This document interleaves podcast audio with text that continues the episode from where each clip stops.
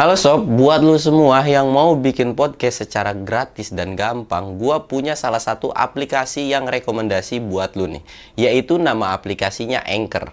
Di aplikasi Anchor ini lu bikin podcast tuh gampang banget. Dan semuanya udah ada di sini. Dan termasuk distribusi ke Spotify dan aplikasi podcast lainnya. Seperti Apple Podcast, Google Podcast, dan lainnya.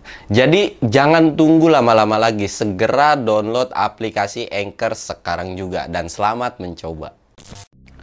Assalamualaikum warahmatullahi wabarakatuh. Balik lagi sama gua Samsul Mister Horror. Mancing malu bang. Eh mancing malu. Iya, Bang. Kagak gue mau nonton Bang Samsul. Eh, eh, eh, lu jangan pada ribut, jangan pada ribut. Duh, duh, pergi, pergi, pergi, pergi, pergi, pergi, pergi, pergi, pergi, pergi, pergi, pergi. Sekarang udah jadi manusia kepala panci ya guys ya. Aduh, udah macem-macem, udah bingung dan ya semoga nanti lebih barbar lagi mereka ya. Pada kesempatan dongeng horor gua kali ini gua bakal nyeritain tentang pengalamannya Raka Riki lagi nih. Eh, mungkin lu sebelumnya udah pernah lihat kan video Raka Riki seputaran dia naik Gunung Sindoro tuh sama ke- apa sama tiga temennya itu. Nah, cuman cerita kali ini tuh dia pendakian terakhir temennya waktu ke Gunung Puntang Bandung. Dan gua rasa cerita ini sih sedih banget sih ya. Lu pokoknya wajib pantengin terus. Dan buat lu semua jangan lupa kalau mau support gua, jangan lupa subscribe, like sama komen dan jangan lupa juga nyalain lonceng notifikasinya biar nggak ketinggalan cerita-cerita dari gua. Dan nggak usah banyak bacot lagi, kita langsung aja ke segmen dongeng horor. Dongeng horor dimulai.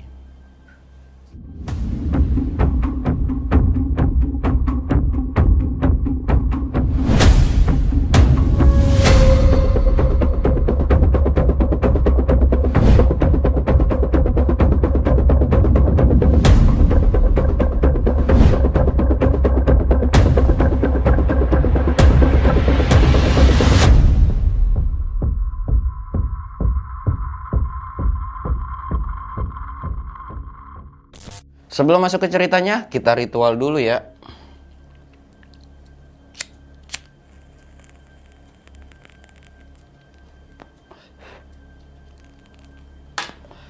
Dan jangan lupa ngopi biar nggak panik.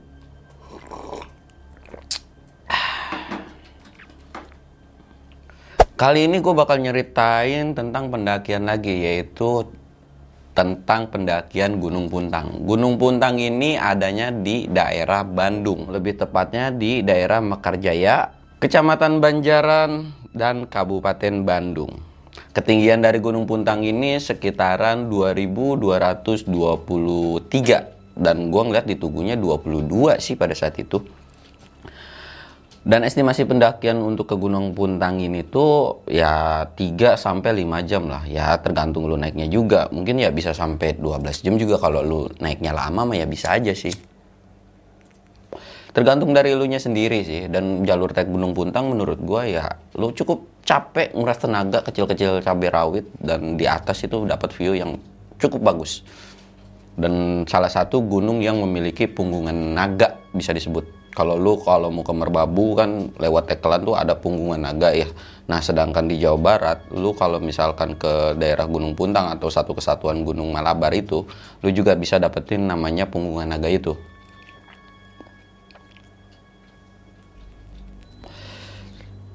Dan Gunung Puntang juga memiliki sejarah yang ya cukup lumayan menarik lah. Di situ tuh kalau nggak salah, kalau setahu gue ya, di situ tuh ada tower yang di situ tuh ada tower yang namanya apa ya tower telekomunikasi. Dan bahkan pemancarnya itu sampai ke Belanda katanya yang gue baca-baca sih.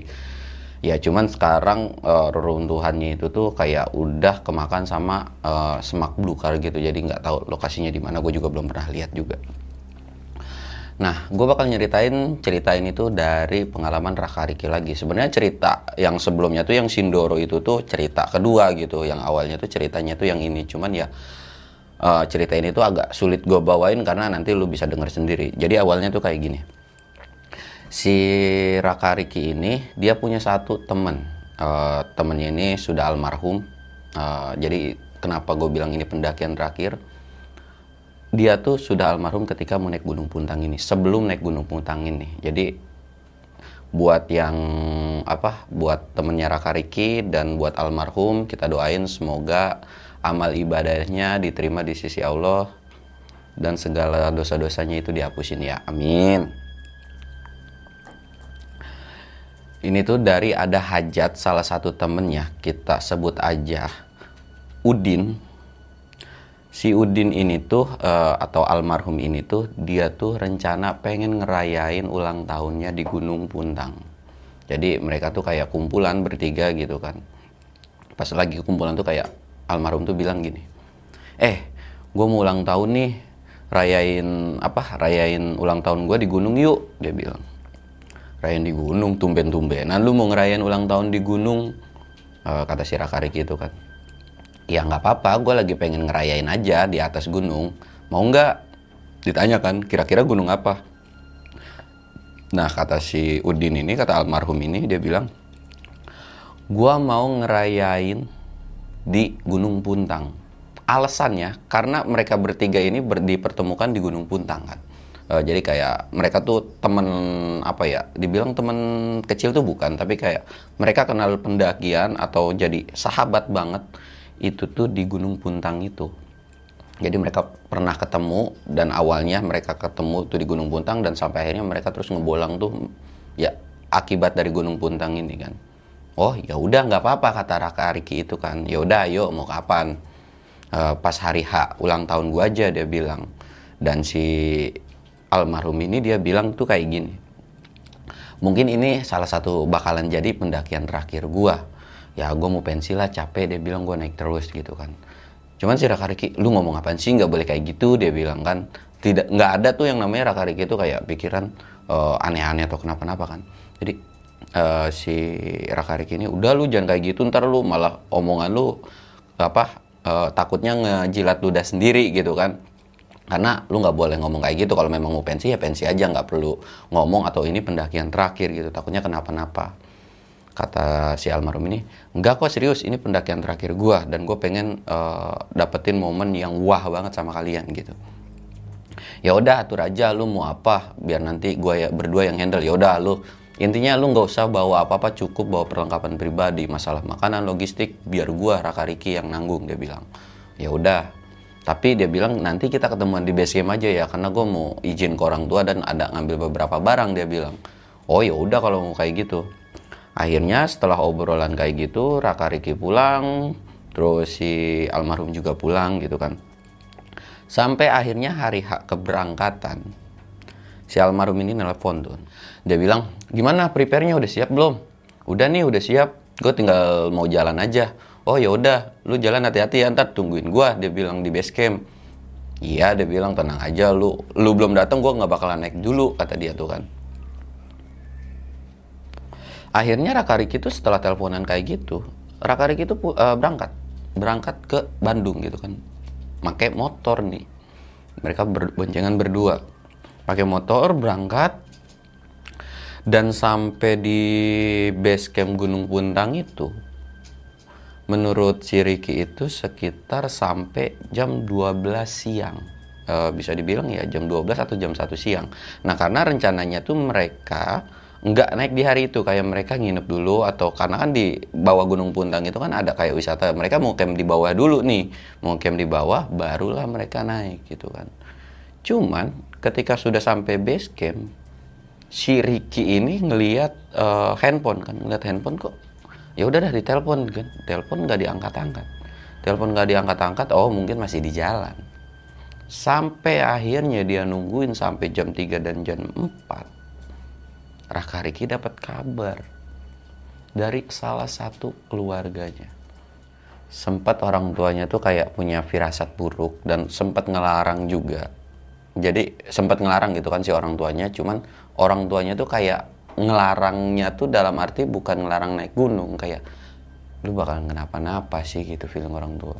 Cuman balik lagi si orang tuanya mikir ya udahlah apa pun dalam hati orang tuanya tuh apa pun yang terjadi sama lu gue bakalan pasrah. Dan pada saat itu orang tuanya ya eh, sedih mah sedih. Cuman kayak yang gimana sih mm, nggak terlalu terpukul banget gitu. Kayak udah tahu bakalan kejadian kayak gitu. Jadi kayak ya udah nggak apa-apa.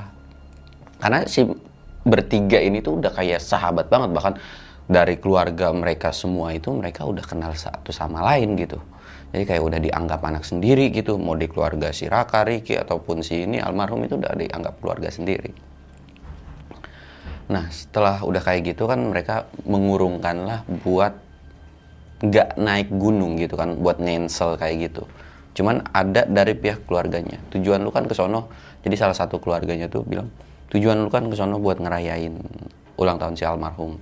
Ya kalau bisa kalau memang lu udah siap kalau lu udah nggak sedih lagi ya tolong amanat terakhirnya tuh lu kabulin. Maksudnya ya lu ngerayain ulang tahun di sono dan ya apa pun hajat si almarhum ini lu laksanain lah intinya. Ya kayak si Raka Riki itu cuman manggut doang sambil nangis gitu kan. Dan dari situ tuh dia nggak pulang. Bahkan dia nelpon keluarganya Raka Riki itu nelpon keluarganya mah nggak bisa pulang bla bla bla gitu kan. Karena kejadian kayak gitu ya si Raka Riki itu nginep eh, selama tiga hari selama tiga hari di rumah si almarhum ini. Sampai akhirnya tiga hari berlalu si Raka Riki itu dalam kondisi tidur. Mereka tuh mimpinya sama si Raka Riki ini tuh dimimpiin sama si almarhum dia bilang ah lu mah gimana sih? Katanya mau naik ke puntang. Masa kagak jadi? Dia bilang. Jadi kayak kebangun tiba-tiba udah mimpi kayak gitu doang. Belum sempat ngejawab jadi kayak kebangun astagfirullahaladzim gitu kan. Dan itu mereka Raka Riki ini tuh bangun barengan. Saling tengok-tengokan. Lu ngapain bangun? Lu ngapa bangun? Gitu kan. Mimpi gua. Mimpi apaan? Jadi mereka ngobrol tuh. Kok sama ya? dia bilang. Kagak tahu. Yaudah yuk kita ya udahlah kita lanjut tidur lagi besok kita obrolin lagi dia bilang. Akhirnya mereka tidur lagi dan sampai ke pagi harinya mereka berani eh, ngobrol kan. Ki naik buntang aja yuk dia bilang. Terusin aja tuh hajat kita. Si Raka bilang kan ya udah ayolah gas. Akhirnya mereka setuju tuh mereka setuju buat mutusin. Dan mereka akan naik tuh di hari keenamnya di hari keenam. Jadi kayak mereka ya udah kita berangkat lah. Mereka juga bilang ke pihak keluarga si almarhum ini kan. Mereka bilang bu saya mau naik. Saya minta satu foto dia bilang. Uh, mereka berdua nih mau ngerayain ulang tahunnya si almarhum ini di gunung.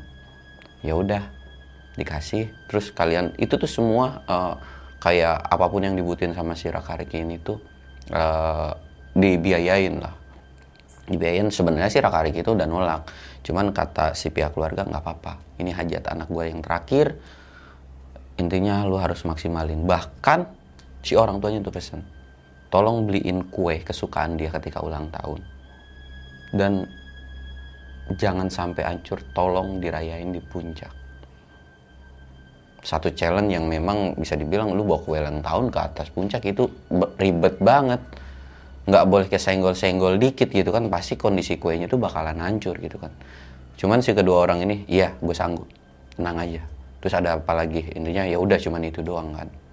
Sampai hari H sampai hari keberangkatan sebelum keberangkatan uh, mereka tuh pamitan ke orang tuanya juga dan diamatin sama orang tuanya. Kalian jangan ngelamun terutama baru kena musibah gitu kan ya otomatis di jalan tuh kadang-kadang ngelamun gitu kan atau kepikiran si almarhum gitu ya udah setelah pamitan mereka berangkat lah. Mereka berangkat dan mereka sampai di base camp Gunung Puntang itu sekitaran jam 3 sore. Jam 3 sore itu mereka sampai mereka langsung daftar simak sih. Walaupun ada pertentangan kayak nggak boleh lu trekking jam segini gitu. Udah sore kan apalagi lu cuman berdua doang pada saat itu. Nah kebetulannya kenapa bisa diizininnya pada saat itu juga ada beberapa pendaki yang mau naik juga dan trekking sama gitu. Sampai akhirnya dibolehin karena cukup lumayan rame gitu kan. Dan diamanatin buat ya udah kalian bareng aja gitu sama si pihak base camp itu kan. Ya udah iya pak gampang. Mereka berangkat lah berdua ini kan. Dan di belakangnya tuh ada tim lain gitu. Nggak tahu menurut Ricky itu ada sekitar uh, 5 sampai enam orang. Mereka jalan duluan. Sepanjang perjalanan Raka sama Ricky ini tuh minim bercanda. Biasanya bocah-bocah ini tuh eh, tipikal orang yang sering bercanda apa pun gitu. Kayak mereka berangkat jalan. Dan yang mereka fokusin apa? Cuman kue. Cuman kue doang. Gimana caranya kue nggak hancur? Jadi kayak jalan tuh bener-bener safety hati-hati. Bahkan ada pendaki itu lu bawa apa bang? Eh, Rakarik itu ngasih tahu ini kue kue ulang tahun sempat kayak diledekin gue tungguin apa sampai segitunya lu bang sampai mau ngerayain ulang cuman Rakarik itu kayak nggak memperdulikan si rombongan itu gitu ya. Sempat kata Rakarik itu ada kesel gitu ya. Mereka tuh nggak tahu eh, apa yang gua lakuin ini tuh buat siapa gitu. Cuman ya balik lagi ke Rakarik yang memang pemikiran sudah dewasa. Jadi kayak ya udahlah kita jalan jalan. Jalan. Di awal pendakian untuk Gunung Pundang sendiri itu ngelewatin kebun kopi jadi belum masuk ke vegetasi yang namanya perhutanan gitu kan. Pas lagi jalan masuk ke kebun kopi dan mulailah eh, sekitar jam setengah enam setengah enam itu mulai masuki ke kawasan hutan gitu kan. Di awal masuk ke hutan si Ricky bilang kok itu kayak almarhum? Dia bilang. Si Raka negor dong heh lu ngomong nggak boleh macem-macem. Serius dikejar kan? Si sama si Ricky itu. Nih nih pegang kue kuenya gue mau lari dulu beneran lari itu dia. Dan itu nggak ada. Dia cuma duduk di salah satu kayak ada pohon gitu senderan. Dia cuma ngeluarin air mata si Ricky itu. Salah satu tempat awal mulanya mereka ketemu.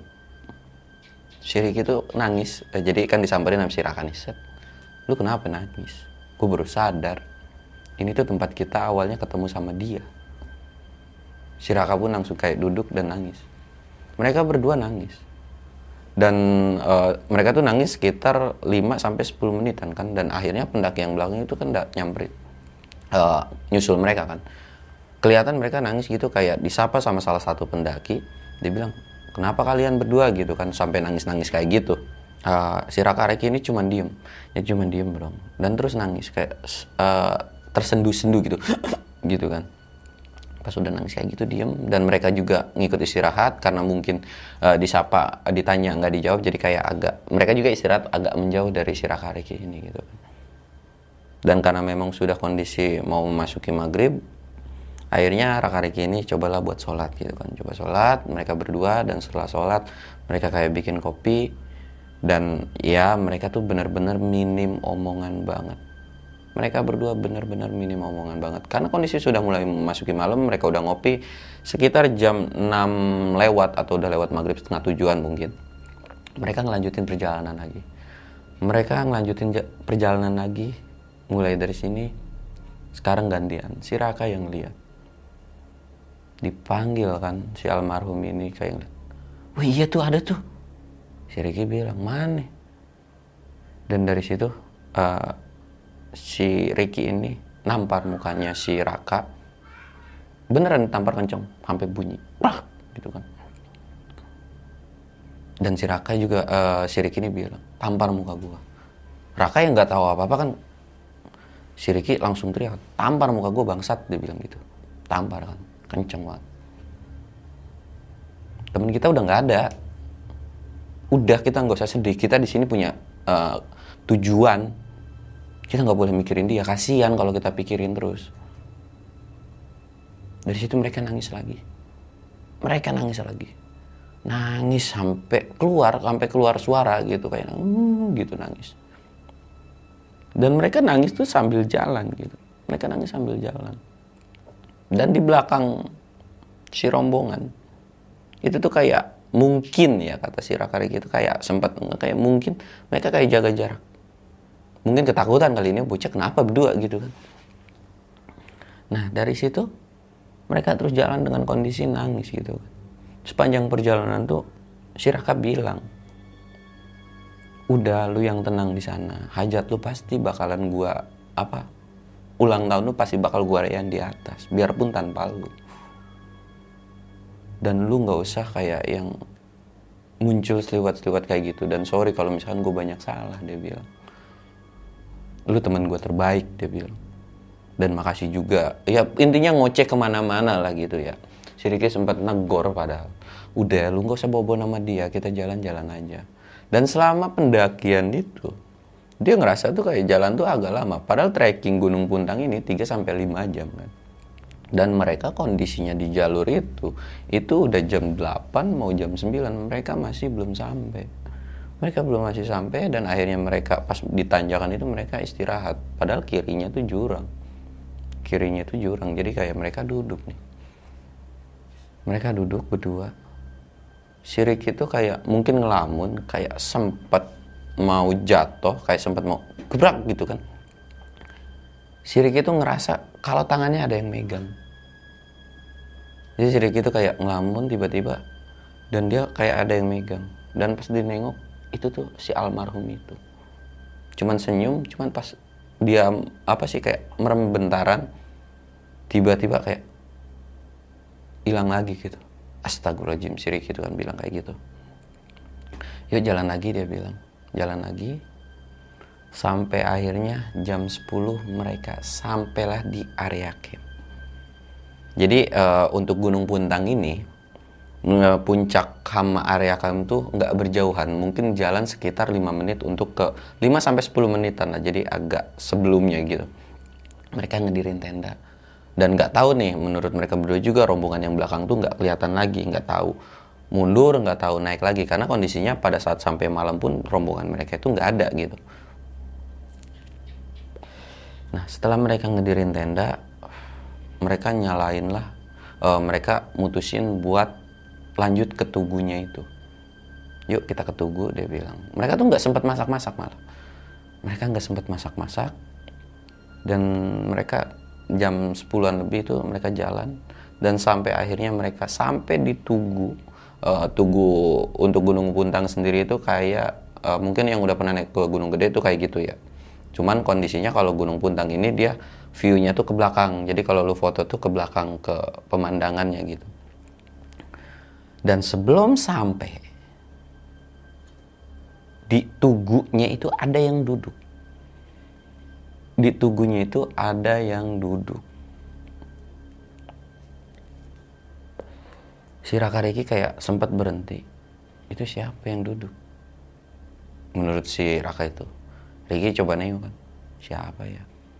nggak tahu lah senternya kan kondisi masih agak jauh gitu kan jadi nggak terlalu di jalan terus dan si Raka Riki nggak nggak apa ya maksudnya nggak takut atau nggak kayak takut setan atau gitu ini nggak ada di pikiran dia tuh cuma satu gimana caranya gue bisa ngerayain ulang tahun si temen gue ini jadi kayak jalan dan lu tahu mulai makin lama makin deket mata mereka berdua tuh tertuju sama satu orang yang duduk. Dan yang mereka lihat itu adalah almarhum. Lagi duduk senderan begini. Dan kondisi kakinya diselonjorin. Mereka nggak punya hawa takut sendiri, uh, nggak punya hawa takut si Rakariki ini. Makin lama makin dekat si almarhum ini kayaknya apa? Lama banget sih lu pada jalan. Raka Riki cuma diem. Raka Riki cuma diem sambil nangis. Dan dia kayak ngeluarin kue. Kondisi pada saat itu gunung itu tuh uh, anginnya tuh pelan. Jadi nggak ada angin yang kenceng-kenceng banget. Kondisi ada, lagi duduk gitu. Cuman mereka kayak nggak ngeruin gitu Raka Riki itu. Dan mereka pun dengar suaranya dan nggak ada obrolan dari Raka Riki yang nembalin si almarhum ini. Dinyalain. Dan ditaruh di puncak itu. Jadi kondisinya uh, dari uh, Raka kanannya uh, si Riki ini dan setelah dinyalain si kue itu mereka duduk samping-sampingan. Jadi kayak di tengah kiri kanannya. Dan kondisi uh, misalkan ini satu tugu nih satu duduk di sini, satu duduk di sini, satu duduk di sini. Jadi kiri kanan, depan gitu kan. Si Riki bilang, udah, hajat lu udah gua sampein di sini. Hajat lu udah kelar. Lu pulang yang tenang. dan si Raka juga bilang kenapa sih lu cepet-cepet banget sorry gara-gara pendakian ini lu sampai begini. Si Ricky langsung nangis kejar kejar sekejar-kejarnya si Ricky itu. Udah kak udah kak nggak usah dibahas lagi kak. Si almarhum bilang dia bilang enggak kok memang udah waktunya aja dia bilang. Ini bukan kesalahan lo berdua. Kan dari awal pun gue udah bilang ini tuh salah satu pendakian terakhir gue Raka Riki dari situ nggak bisa ngomong apa pun mereka kayak duduk di atas. Jadi kayak duduk gitu dan sambil nyenderan sempat kayak salah satu dari mereka tuh si Ricky kalau nggak salah ngebalik gitu. Dan itu dia langsung nangis. Sosoknya itu nyata real si almarhum itu. Dan dari situ si Raka kayak udah yuk kita cabut yuk. Udah kita cabut aja dari sini yuk kita ke tenda kita istirahat dia bilang. Dari situ mereka dan si sosok ini tuh masih duduk. Si sosok ini tuh masih duduk. Si sosok ini masih duduk. Ada sempat ucapan gua tunggu di tempat biasa dia bilang.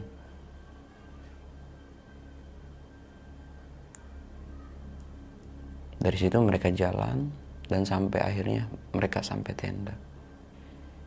Dan ketika sampai tenda si Raka bilang yuk kita jalan lagi. Kita masak-masak dulu kita makan nanti kita jalan lagi.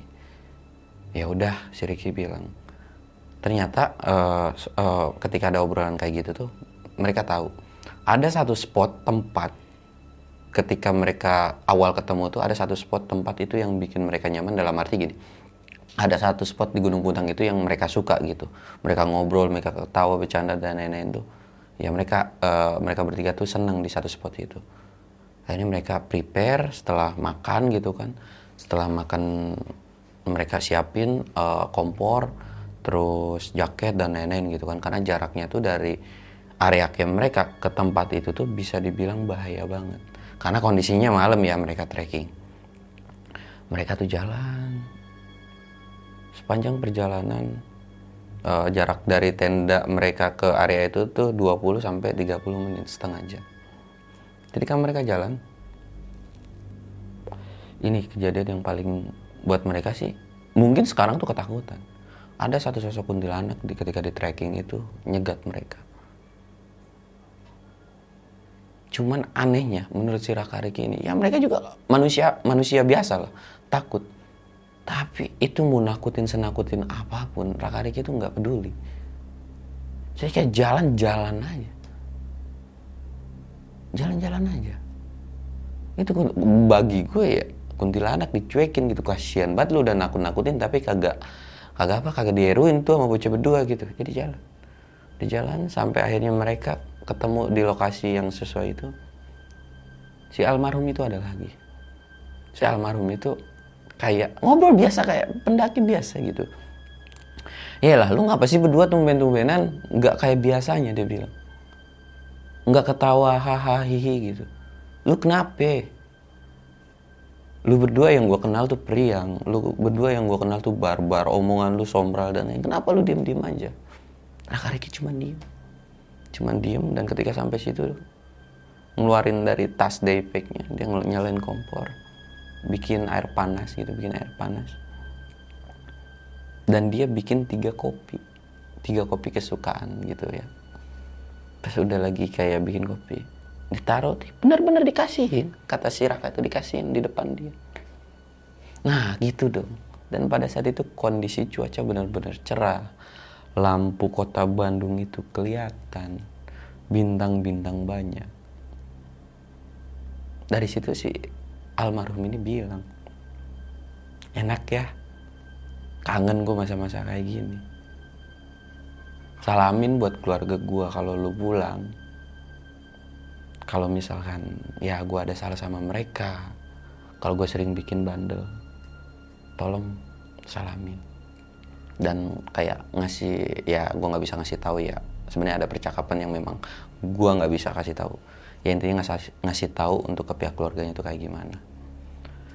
Di situ si Raka Riki nggak ngobrol. Kayak bingung kan ini orang udah meninggal tapi kok gue berasa nyata? Sampai akhirnya si Raka bilang lagi Ki tampar muka gua. Dan yang nampar itu bukan dari keduanya. Dia ditampar sama si almarhum ini dua-duanya. Parpar gitu. Langsung melek dong muka mereka.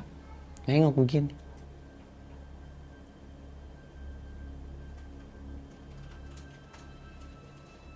ini perpisahan terakhir gua kata si almarhum itu tolong manfaatin gua mau ngerayain ini sama lu bertiga dia bilang. Si Raka Riki cuman diem bener-bener kayak udah nggak bisa ngomong cuman bisa nangis terus. Mereka cuman bisa nangis doang. Dan si almarhum ini jadi kan mereka duduk bertiga begini kan.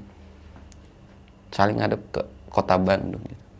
itu tangannya tuh dipegang dan tangannya menurut si Raka Riki itu tangannya tuh dingin anyep banget. Sempat si Riki bilang tangan lu dingin. Udah yuk pulang ke tenda dia bilang. Udah kata si almarhum tuh. Nggak apa-apa udah biasa kok. Dia bilang udah biasa kok. Dan si Raka tuh mulai buka. Ya udah kalau kayak gitu gue juga bakalan pensi deh dari gunung karena udah gak ada lu dia bilang kan. Cuman si almarhum ini bilang katanya lu ngapain pensi? Lu nggak usah pensi. Kurang gua lu masih bisa ada berdua atau lu bisa cari tim lain. Toh itu kan uh, menurut si almarhum tuh lu kan emang sudah suka naik gunung gitu. Jadi lu nggak ada alasan buat untuk pensi. Ya udah kalau memang lu naik gunung naik gunung aja. Karena memang udah waktunya aja kata si almarhum tuh gue juga kalau mungkin nggak kayak gini mah gue bakal terusin buat naik gunung deh setelah dari obrolan mereka bertiga tuh sempet kayak hening beberapa detik gitu kan hening. Dan akhirnya Raka Riki ini tuh mulai kayak ngebaur nih. Ya udah sosok ini tuh memang real ada gitu. Si almarhum ini tuh memang ada di gunung itu. Mereka ngobrol tuh bercanda-canda. Mereka bercanda-canda. Dan itu kondisinya udah mulai memasuki jam 12 atau jam satuan lebih gitu kan jam 12 atau jam satuan lah. Ketika mereka ngobrol-ngobrol kayak gitu terdengarlah suara teriakan minta tolong. Mereka tuh kayak uh, si Raka Reki ini kayak gini kan. Ki, Ki, Ki, denger gak lu? Didengerin tuh sama mereka berdua dengan seksama gitu kan. Tolong, kedengeran gitu kan. Tolong gitu. Wah iya bener tuh Diteriakin dong sama si Raka kan.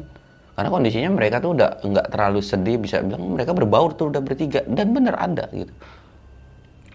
Tolong gitu kan. Pas udah kayak gitu tuh si apa si Raka tuh teriak kan. Siapa? Gitu kan. Teriak sekencang-kencangnya diteriakin lagi gitu kan. Bang! Gitu kan. Bang! Gitu. Wah ternyata bener. Mereka buru-buru nih tolongin tolongin. Intinya pada uh, yang teriak-teriak itu bener manusia gitu kan. Oh yaudah si Ricky itu bilang woi kita prepare yuk prepare yuk. Kasihan tuh takut kenapa-napa dia bilang. Dia si almarhum tuh masih ada. Ya udah tolongin tolongin dia bilang. Tolongin tolongin. Mereka beres-beres dan mereka jalan tuh berdua Raka Mariki mereka nggak nggak sama si almarhum ini. Nggak tahu ngikutin nggak tahu gimana gitu. Jalan dan akhirnya sampai mereka ke tenda mereka dan si orang yang apa minta tolong itu ternyata pendaki yang sebelumnya ada di belakang. Dia tuh bilang bang gue minta tolong dong. Minta tolong apa? Di bawah teman gue kena hipo dia bilang. Di bawah teman gue kena hipo. Terus ada salah satu teman gue lagi yang uh, apa yang ngomongnya aneh-aneh dia berontak kayak orang kesurupan gitu. Dan ada satu teman gue lagi yang hilang bang. Raka langsung panik dong hah? Hilang? Gimana ceritanya? Bisa hilang? Nggak tahu bang udah pokoknya lu ke bawah dah gue pengen tahu dulu. Ya udah dah ya udah. Ya akhirnya si Raka ini prepare uh, bawa obat-obatan P3K terutama. Jadi dia turun. Ternyata uh, rombongan mereka tuh ada di tengah-tengahnya gunung uh, di gunung uh, di tengah-tengahnya trekking gitu kan. Pas sudah sampai situ dilihat kondisinya dan ternyata memang uh, satu orang itu hipo satu orang itu kesurupan gitu kan. Ya si Raka ini kan coba buat nyembuhin gitu kan baca-baca dengan yang dia bisa ternyata kagak hilang-hilang. Jadi kayak dia aduh gimana ya? Si Raka tuh nengok kan si gimana cok dia bilang kagak sembuh nih. Si Ricky bilang ah lu ngajinya nggak bener kali dia bilang kan. Makanya kalau ngaji yang tamat. Si Ricky dong kan dia nyembuhin baca-baca. Dia kagak keluar-keluar juga. Aduh gimana ya? Dia keluar tuh. Bang ditanya kan gimana bang teman gua? Tadi dulu gua mau duduk dulu dia bilang. Duduk tuh si Rakare gitu. Ternyata dari belakang ada si almarhum. Udah gue aja yang bantuin buat nyembuhin dia dia bilang. Nengok lu bisa dibilang gitu kan. Berarti itu udah kayak temen. Tapi ada tapinya nih. Tenda rombongannya itu merhatiin mereka tuh kayak nggak ngomong sama orang gitu. Kayak nengok ke belakang gini bisa. Makin aneh dong. Kayak takut tapi ya si dua orang ini benar manusia. Apa gimana gitu pikir bisa. Akhirnya si Rakarik ini masuk kan bawa si almarhum ini bawa masuk. Dan sepanjang dia mau masuk ke dalam tenda tuh mereka berdua tuh ngobrol sama sosok yang nggak kelihatan menurut si orang ini. Masuk ke dalam. Dan pas di dalam tuh eh, ada obrolan kasih almarhum oh sosok kayak ginian dan itu alhamdulillah sembuh si Rakarik ini keluar udah tuh bang teman udah aman dan yang hipo pun uh, udah agak baikan katanya. Dari situ mereka duduk lagi, bang ada kopi nggak bang? Bikinin kopi lah, gue haus banget nih kata si Raka Riki. Wah ada ada bang bang bang, ini bang, dibikinin kopi, dia bikinin dua kan. Ya lah bang, lu sama temen gue gitu banget sih, bikinin mah tiga. Si orang ini tuh bengong doang, bengong. Tiga, dibikinin lah, nggak banyak ngomong kan dibikinin. Dibikinin ditaruh, si orang itu nggak ngomong apa-apa. Nah dari situ tuh si orang ini coba kayak tadi kan mau ngebahas orang yang eh, hilang itu kan. Eh, si ini tuh kita sebut aja Bang Andri gitu ya. Bang bang, temen gue masih ada satu yang hilang nih, gue bingung gimana ya. Waduh iya ya lu bilang ada yang hilang. Ya udah deh gue yang cari. Terakhir dia lari ke mana? Lari ke sono bang, gue mau ngejar tapi ya lu tahu sendiri kondisinya di sini. Bocah-bocah juga pada takut. Ya udah bang tenang, gue yang nyari dah ke sono kan. Iya, yang dicari itu sama mereka berdua. Dan kondisinya mereka berdua itu ya udah ngopi mereka jalan. Mereka jalan. Dan minta tolong ke si almarhum ini. Eh cariin ke itu bocah di mana? Yang hilang. Udah tenang. Ketemu dia lagi ngumpet katanya di belak- belakang pohon. Belakang pohon ngumpet. Iya tapi udah kita lama-lamain aja dia bilang. Udah pokoknya itu orang gak bakal kenapa-napa. Mereka duduk. Ya udah kita ngopi nyebat kali ya abisin sebat. Ngabisin sebat ngerokok. Pas udah kayak gitu udah habis sebat mereka akhirnya ke belakang dong. Ke belakang kayak yang udah ditunjuk ditunjukin sama si almarhum ini di belakang. Dan ternyata itu benar lagi ngum- ngumpet ketakutan ditepok dong ini. Woi lu ke mana? Lari-lari. Itu si orang mau ngibrit lagi cuman keburu ditarik. Ini gue manusia dia bilang. Gue disuruh nyari lu. Lu bener manusia bang? Lu bener manusia bang? Iya gue manusia. Dia tuh kayak nangis alhamdulillah bang. Makasih bang. Makasih. Udah udah udah gak usah banyak ngomong. Udah yuk, yuk balik ke tenda balik ke tenda balik ke tenda. Akhirnya mereka balik tuh ke tenda kan jalan dan pas lagi jalan tuh si Rakari gitu ngucapin terima kasih kan. Makasih ya. Tuh nggak ada lu dia bilang. Iya sama-sama. Si orang yang ketakutin ini bang lu ngomong sama siapa? Tuh sama temen gue emang lu nggak ngeliat? Si Rakarik itu nggak nggak kalau sosok apa yang ini tuh nggak bisa ngeliat juga. Itu tuh. Dia tuh langsung kayak takut lu ngomong sama siapa sih bang? Jangan aku nakutin jangan aku nakutin gitu kan ya intinya ya udah udah udah yang penting lu jalan-jalan kata si Rakarik itu jalan. Ketika jalan itu kedengeranlah suara kuntilanak ketawa cekikikan. Pas lagi ketawa kayak gitu tuh si orang yang kabur ini makin ketakutan dong. Bang itu suara apa? ketawa si Rakariki sih ya biasa aja maksudnya ya takut mah takut cuman nggak yang berla- berlebi- berlebihan kayak si pendaki ini gitu kan. Udah nggak apa-apa cuman ngetawain doang. Ya lagian lu ketakutan begitu ya diketawain sama dia. Dari jalan-jalannya ya. Jalan. Cuman jalan itu kayak lama sampai kayak mau diseret gitu kan. Jalan. Pas udah jalan akhirnya mereka sampai tenda. Dan ketika sampai tenda eh, bang Andri ini ngucapin terima kasih gitu kan. Ya udah mereka ngobrol-ngobrol tuh. Pas mereka lagi ngobrol-ngobrol kayak gitu kan. Ya udah bang lu jagain tuh. Kalau bisa yang kesurupan lu ikat nih bocah yang lari-lari gue lu ikat baik dia bilang takutnya pas lagi lu pules-pules tidur tiba-tiba lari ntar lu bingung sendiri gitu. Syukur-syukur itu larinya juga di belakang pohon tadi. Coba kalau ke jurang dia bilang kan. Oh iya bang makasih makasih bang. Ya udah nanti kalau lu ada apa-apa gua tungguin dah sini. Ini udah juga udah mau masuki subuh kan. Ya udah gua tungguin dah bentaran sampai subuh. Akhirnya mereka duduk dan akhirnya eh Rakarik ini bilang udah bang lu tidur aja. Kayaknya udah aman sih. Mereka tidur tuh dan mereka masih ngopi kan dan disiapin makannya juga. Bang tuh bang kalau lu mau makan makan aja dia bilang. Logistik gue masih banyak. Ya bang nggak apa-apa santai gue di sini dulu bentaran dah dia bilang capek. Si Rakarik ini duduk dan ngomong ngucapin makasih gitu kan. Cuman si eh, almarhum ini tuh bilang katanya tuh orang sebelum ini lu peringatin aja. Besok pagi langsung turun gak usah muncak.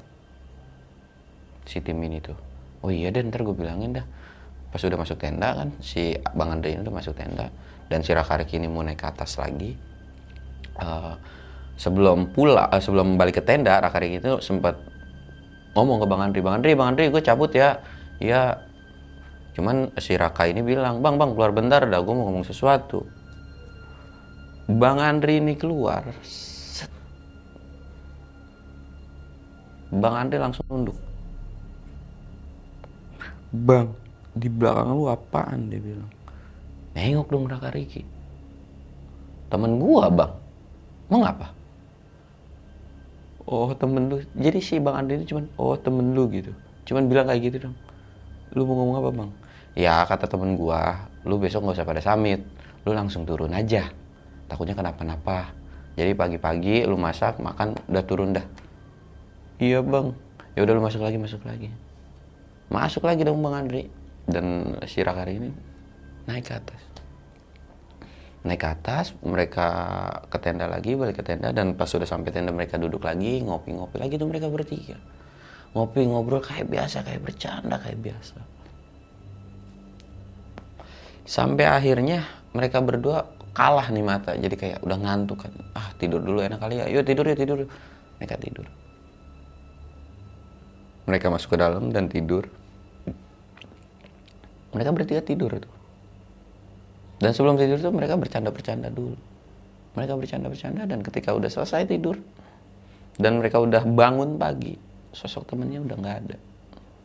Cuman sebelum mereka bangun gitu mereka tuh mimpi kayak dari sama mimpinya sama. Si almarhum ini bilang makasih ya ini pendakian terakhir yang paling berkesan buat gua. Sehat-sehat buat lu berdua dan salamin buat keluarga gua dan akhirnya sampai akhirnya mereka kebangun dan kebangun mereka ngeliat itu nggak ada sosok almarhum. Dan mereka balik lagi sedih. Mereka balik lagi sedih kayak yaudah yuk kita pulang yuk dia bilang. Tugas kita udah kelar.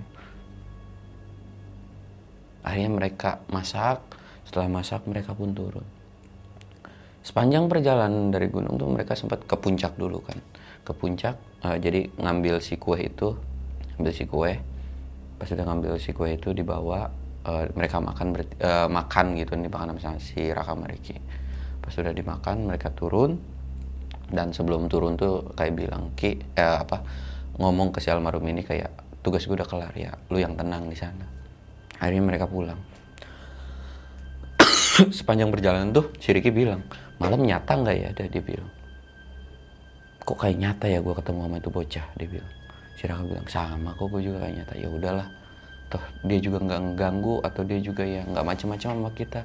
Ya udah semoga teman kita tenang gitu mereka turun dan ternyata sa- sesampainya di base camp itu ada sosok apa ada pendaki yang ngikutin eh, yang sebelumnya gitu. Sosok pendaki itu bang Andre itu ngucapin terima kasih nggak ngomong apa-apa cuman si bang Andre ini bilang bang lu beneran semalam bawa temen? Iya gue bawa temen. Itu kok mukanya yang belakang lu tuh kok pucet banget ya? Ah enggak kali bang. Lu ngehalu aja orang ada kok. Ditanya lagi kan? Terus kalau memang lu bener bawa temen kok lu cuman berdua? Nah dari sini mereka baru kayak ngesadar gitu kan. Kayak enggak enggak mikir sejenak gitu cuman kayak ya udah deh. Udah bang. Udah bang. Udah udah dah. Yang penting temen lu nggak apa-apa. Gue cabut ya cabut ya gitu kan cabut mereka. Sampai akhirnya pulang dan mereka tuh nggak pulang ke rumah. Dan mereka sampailah di kediaman si almarhum ini. Ketika sampai di kediaman almarhum ya me- Raka Riki ini nih bilang kalau dapat salam dari si almarhum ini. Emaknya dari situ yang tadi awalnya nggak terlalu histeris nangis nyokapnya tuh langsung nangis. Meluk meluk si Raka Riki dan cuman bisikin makasih. Dan ketika sampai di situ barang-barang semua si almarhum ini dikasihin ke mereka berdua. Nih barang-barang pendakiannya.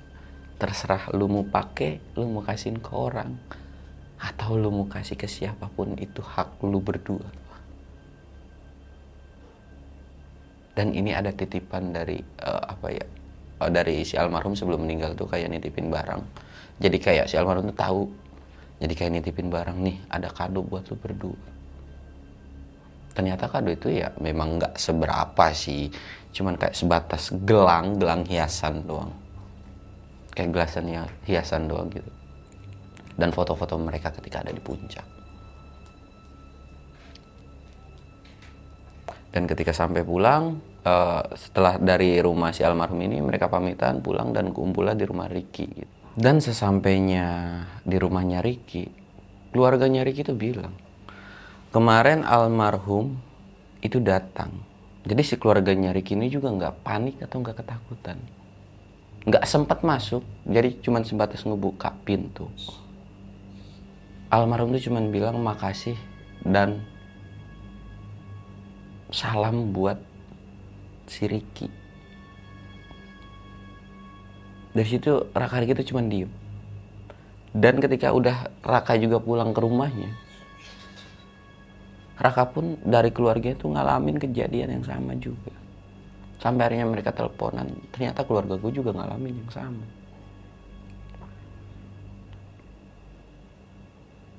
dari situ mereka ya langsung ya intinya ngajiin lah buat mereka dan selama berapa bulan ya mungkin sekitar 3 sampai 4 bulanan tuh mereka nggak ngelakuin pendakian ke, ke gunung mana pun.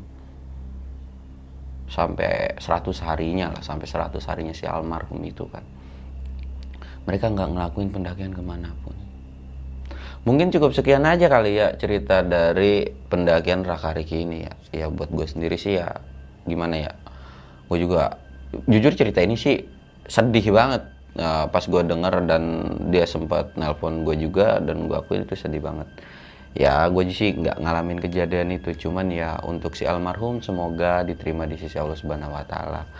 Dan buat gue sih ini pendakian ter the best lah buat gue ya secara lu nggak kenal tiba-tiba lu punya sahabat yang dekat bahkan dari pihak keluar tiga tiga keluarga itu udah saling ngakuin kalau mereka ini anak mereka sendiri gitu. Dan menurut si Raka Riki mereka tuh nggak putus tali silaturahmi ke keluarganya si almarhum ini. Mereka sering datang tiap minggu pun main kadang-kadang numpang makan dan lain-lain. Karena menurut si keluarga almarhum mereka uh, udah nganggap Raka Riki ini kayak keluarga.